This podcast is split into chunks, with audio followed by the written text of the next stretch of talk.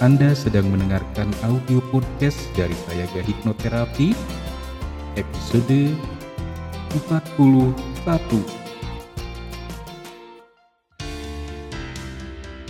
Selamat datang di serial audio podcast bersama Sayaga Hipnoterapi. Institusi penyedia layanan hipnoterapi dan konseling profesional di Kota Bandung yang membantu penanganan berbagai masalah kesehatan, emosi, dan perilaku yang mengganggu kualitas hidup. Berpijak pada nasihat luhur, eling, waspada, lan sayaga, serial audio podcast Sayaga Hipnoterapi hadir untuk membantu Anda menata kehidupan yang berkualitas secara fisik, mental, emosional, dan spiritual dengan sikap yang lebih berkesadaran, lebih berwaspada, dan lebih bersiaga. Serial audio podcast Sayaga Hipnoterapi menghadirkan inspirasi kehidupan yang diintisarikan dari berbagai keilmuan psikologi dan pengembangan diri yang juga diadaptasi dari kisah nyata para individu yang menjalani program terapi dan konseling bersama tim profesional dari Sayaga Hipnoterapi. Halo para kawargian Sayaga semua, senang sekali dapat berjumpa kembali dengan para kawargian semua. Saya Dr. Hera Gustianto Ali Murni atau yang biasa Anda kenal dengan Dr. Anto, kembali membersamai Anda dalam audio podcast kali ini. Kali ini saya akan membahas fenomena yang lagi banyak atau sering dibahas di masyarakat sekarang. Sebetulnya ada dua fenomena, yaitu satu perubahan cuaca di mana kita sekarang sering ya banyak yang mengeluhkan kok udara hari ini rasanya lebih terik ya atau lebih panas ya daripada biasanya. Dan yang kedua sebetulnya fenomena hepatitis ya. Ya mungkin ada yang belum tahu yaitu hepatitis adalah penyakit yang menyerang hati. Nah, mungkin kita agak lebih khawatir saat ini karena penyakit ini sampai saat ini lebih banyak menyerang kepada anak-anak Nah, tentu saja kita juga akan berpikir ya bahwa kalau anak yang sampai terkena penyakit, tentu kita sebagai orang dewasa atau orang tuanya tentu akan sangat merasa khawatir dan bahkan sedih. Nah, apakah kedua fenomena ini sebetulnya mempunyai hubungan atau tidak ya? Yaitu satu fenomena mengenai cuaca yang berubah menjadi lebih panas ini, dan kedua fenomena penyakit yang kok jadi ada sih penyakit yang misterius lagi yang muncul? Kenapa dibilang misterius? Karena dari pemeriksaan yang ada, yaitu dengan hepatitis A, B, C, ataupun D, ternyata pemeriksaan tersebut tidak ada yang cocok untuk menjadi penyebab dari hepatitis tersebut. Nah, karena itu, tanpa membuang waktu lagi, kita akan mulai membahasnya. Namun, seperti biasa, alangkah senangnya dan bahagianya saya apabila saya juga dapat mendoakan agar Anda semua sebagai pendengar dari audio podcast ini selalu dilimpahi kesuksesan, kebahagiaan, dan sehat sejahtera di mana pun dan kapan pun Anda mendengarkan audio podcast ini. Baik, kita akan lanjut ke materi. Belakangan ini, banyak di antara kita mengeluhkan cuaca yang sepertinya jauh lebih terik dibandingkan sebelumnya. Namun, apakah itu hanya perasaan kita atau memang cuaca saat ini nih lagi beda nih dari hari-hari sebelumnya. Ternyata menurut BMKG sendiri memang menyatakan bahwa Indonesia memang sedang mengalami cuaca panas di bulan Mei 2022 ini. Bahkan BMKG mencatat suhu maksimum yang terukur selama periode 1 sampai 7 Mei adalah antara 33 sampai 36,1 derajat Celcius. Dengan suhu maksimum tersebut terjadi di wilayah Tangerang, Banten dan Kalimaro atau Kalimantan Utara. Nah, kita juga lebih baik tahu bahwa suhu maksimum tertinggi di Indonesia pada bulan April selama 4 sampai 5 tahun terakhir ternyata bisa mencapai sekitar 38,8 derajat Celcius yaitu di Palembang pada tahun 2019. Sedangkan di sekitar bulan Mei yaitu sekitar 38,8 derajat Celcius di Termindung Samarinda pada tahun 2018. Nah, karena perubahan cuaca ini juga banyak nih yang mulai menyebutkan antara gelombang panas, cuaca panas, Nah, apakah gelombang panas tersebut yang menyebabkan cuaca panas? Ternyata ada perbedaan antara pengertian gelombang panas dengan cuaca panas. Nah, menurut World Meteorological Organization atau WMO, gelombang panas atau dikenal dengan heat wave merupakan fenomena kondisi udara panas yang berkepanjangan selama lima hari atau lebih di mana suhu maksimum harian lebih tinggi dari suhu maksimum rata-rata, bahkan hingga 5 derajat Celcius atau lebih. Fenomena ini biasanya terjadi di wilayah lintang menengah tinggi, yaitu seperti wilayah Eropa dan Amerika yang dipicu oleh kondisi dinamika atmosfer di lintang menengah. Nah, dari pengertian tersebut, bahkan dari BMKG juga memastikan bahwa suhu panas yang terjadi di Indonesia bukanlah merupakan fenomena gelombang panas karena belum memenuhi ciri-ciri tersebut. Disebutkan bahwa di wilayah Indonesia ini yang terjadi adalah fenomena kondisi suhu panas atau terik dalam skala variabilitas harian. Karena berdasarkan data yang didapatkan bahwa suhu selama sepekan terakhir menunjukkan kenaikan hingga 3 derajat Celcius jadi belum bisa kalau dibandingkan dengan tadi ya 5 derajat Celcius ke atas ya. Kemudian dilihat dari lokasi juga sesuai dengan pengertian tadi, Indonesia sendiri terletak di wilayah lintang rendah sehingga tidak termasuk dalam lokasi yang memungkinkan untuk terjadi heat wave. Nah, jadi sementara seperti itulah perbedaan antara heat wave dengan cuaca panas yang terjadi sekarang ini. Ya, boleh secara ringkasnya kita bilang bahwa cuaca panas yang terjadi ini masih dalam variabel yang bisa dimaklumi lah kalau menurut BMKG ya. Nah, kalau begitu apa yang sebetulnya lagi terjadi di Indonesia saat ini?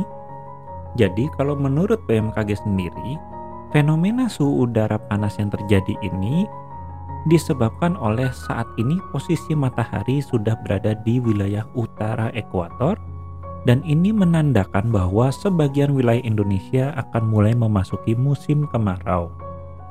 Dan ketika musim kemarau berlangsung, maka sudah sewajarnya tingkat pertumbuhan awan dan fenomena hujan akan sangat berkurang, sehingga cuaca cerah pada pagi menjelang siang hari akan cukup mendominasi. Nah, dominasi dari cuaca yang cerah ini serta tingkat awan yang rendah mampu membuat penerimaan sinar matahari di permukaan bumi itu lebih maksimal. Ya tentu saja efeknya untuk kita sebagai manusia yang tinggal di muka bumi ya pasti menjadi merasa lebih panas sehari-harinya. Nah, menanggapi hal ini, BMKG juga akan terus memantau kondisi suhu panas atau terik ini hingga bulan-bulan mendatang.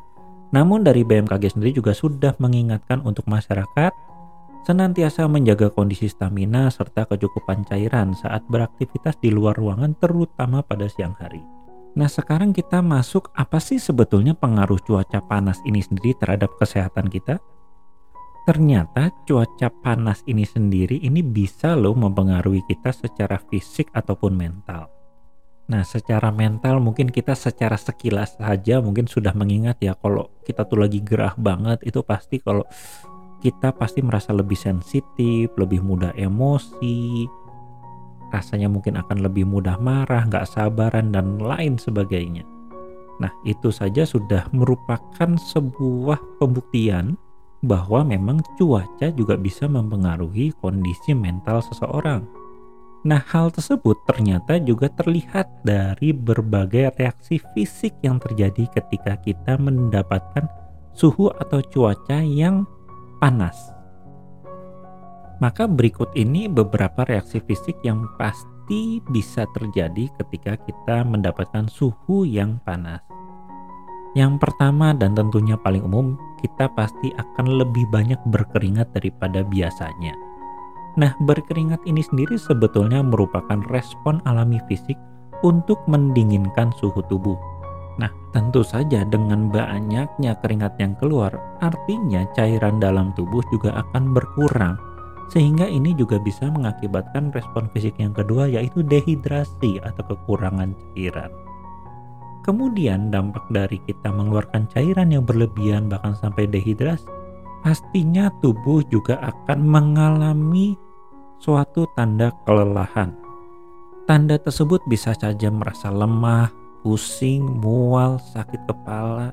Nah, tanda-tanda ini bisa terjadi akibat tadi berkeringat berlebihan dan akhirnya kita kurang cairan dan akhirnya tanda-tanda kelelahan ini muncul. Kemudian efek dari keringat tadi juga bisa mengakibatkan ruam kulit yang disebabkan bisa saja ketika kita berkeringat ternyata saluran keringat kita tidak lancar atau mungkin tersumbat oleh mungkin debu atau kotoran. Nah, di sini bisa menjadikan ruam kulit itu timbul. Kemudian efek yang bisa terjadi ketika kita mendapatkan paparan sinar matahari secara langsung dengan suhu yang di luar batas kewajaran kita, maka kulit kita pun juga bisa mendapatkan efek langsung yaitu terbakar. Sehingga bisa saja seperti terkelupas, memerah, dan lainnya. Tentu saja hal ini juga akan menyebabkan kondisi denyut jantung menjadi lebih cepat karena tubuh juga berusaha untuk mengembalikan suhu tubuh ke kondisi normalnya. Ada juga yang bisa terjadi sampai ke tekanan darahnya menjadi lebih rendah. Kenapa lebih rendah? Karena tadi, ketika tubuh ingin mengeluarkan keringat lebih banyak, maka salah satu yang bisa terjadi yaitu pelebaran pembuluh darah supaya cairan-cairan tersebut akan lebih gampang atau lebih mudah untuk keluar. Nah, ketika pembuluh darah melebar, tentu saja tekanan darah akan menurun. Dan jika terlalu rendah, maka kita bisa mendapatkan gejala seperti pusing atau bahkan jika terlalu parah maka kita bisa sampai pingsan. Nah, biasanya kalau sudah sampai pingsan, nah ini kadang orang banyak menyebutnya menjadi gejala heat stroke ya atau serangan panas. Nah, ini cukup berbahaya kalau tidak ditangani secara cepat dan penanganannya minimal adalah kita meminggirkan dulu atau memindahkan posisi orang tersebut ke tempat yang sejuk, kemudian mengangkat kakinya supaya pembuluh darah yang ada atau darah yang ada bisa mengalir terlebih dahulu ke otak. Karena biasanya itu tadi karena pembuluh darahnya melebar sehingga asupan darah ke organ-organ penting ini menjadi berkurang.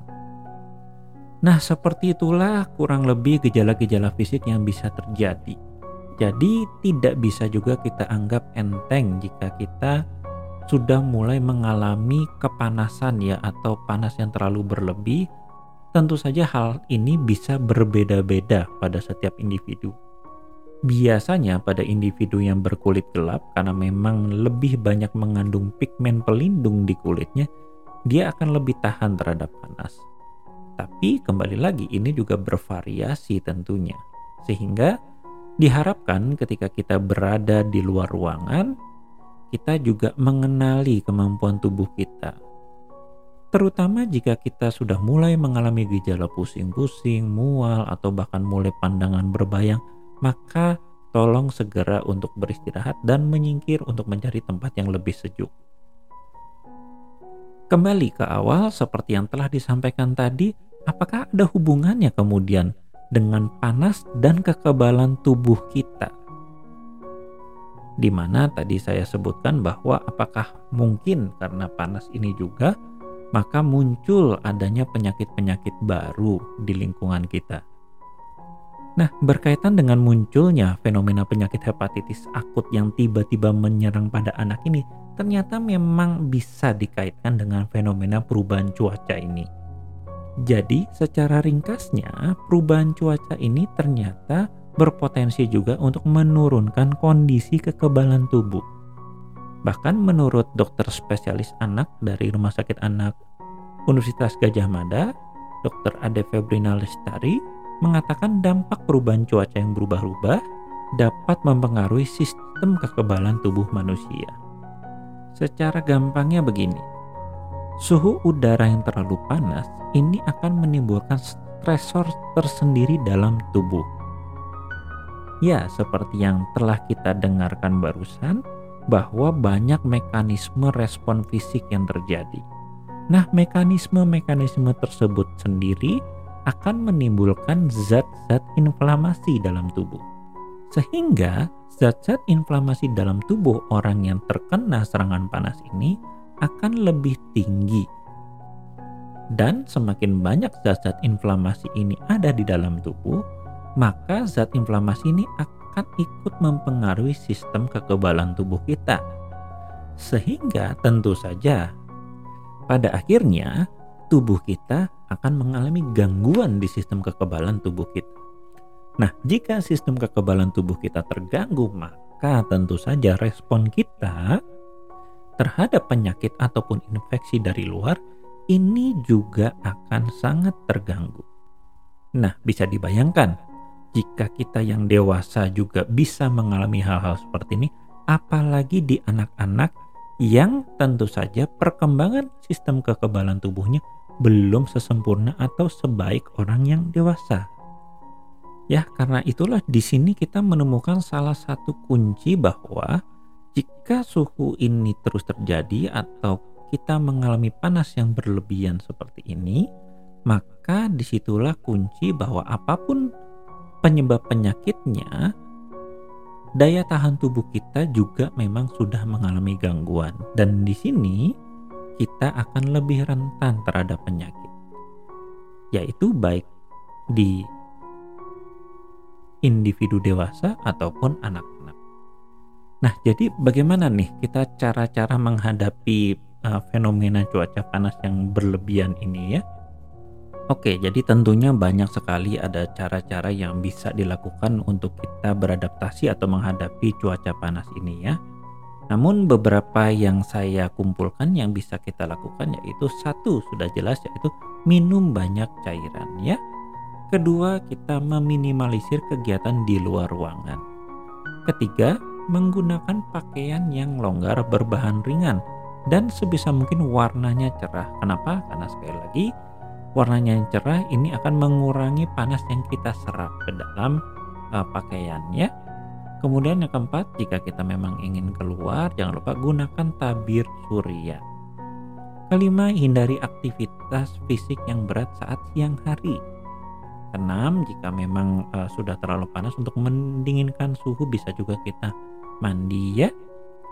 Ketujuh, jangan tinggalkan anak atau hewan peliharaan di dalam mobil karena tentu saja jika di dalam mobil ya walaupun terpasang AC tapi tetap ada resiko ya mungkin ada kerusakan dan lain-lain dan panasnya masuk ke dalam mobil itu pasti jadi masalah ya. Kemudian yang kedelapan, jika ingin berkegiatan juga di luar, maka usahakan sebisa mungkin berkegiatan di tempat yang sejuk ya. Demikianlah podcast ini saya harapkan bisa membantu para kawargian saya semua untuk beradaptasi atau menyesuaikan diri dengan cuaca yang ada saat ini. Tentu saja harapan saya juga hal ini juga bisa membantu dalam daya tahan tubuh para kawargian semua dalam menghadapi fenomena yang sekarang ini sedang banyak berubah-berubah ya.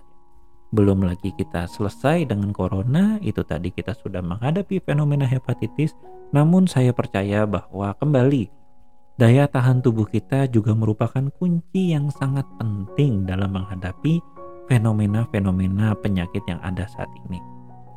Karena itu, jangan lupakan bahwa kita juga mempunyai tanggung jawab untuk meningkatkan daya tahan tubuh kita dalam menghadapi fenomena-fenomena penyakit di masa mendatang. Tidak hanya untuk Anda sendiri, tapi untuk keluarga Anda, orang-orang yang Anda sayangi dan cintai, anak-anak Anda, ataupun siapa pun yang Anda ingin bisa untuk survive atau bertahan dalam menghadapi masalah-masalah penyakit di kemudian hari. Demikian dari saya. Sekali lagi, saya ucapkan semoga selalu sehat sejahtera, bahagia, dan sukses di mana pun dan kapan pun Anda berada. Saya Dr. Anto undur diri. Salam eling, waspada, lan sayaga. Dapatkan lebih banyak inspirasi menarik lainnya dengan ikuti Instagram @sayaga.hipnoterapi dan podcast channel Sayaga Hipnoterapi. Kunjungi juga website www.sayaga-hipnoterapi.com untuk temukan lebih banyak informasi menarik lainnya, termasuk untuk memesan layanan hipnoterapi dan konseling bersama para tim profesional dari Sayaga Hipnoterapi di Bandung untuk membantu Anda menangani berbagai masalah kesehatan, emosi, dan perilaku yang mengganggu kualitas hidup. Mari menjalankan kehidupan yang eling, waspada, lan sayaga.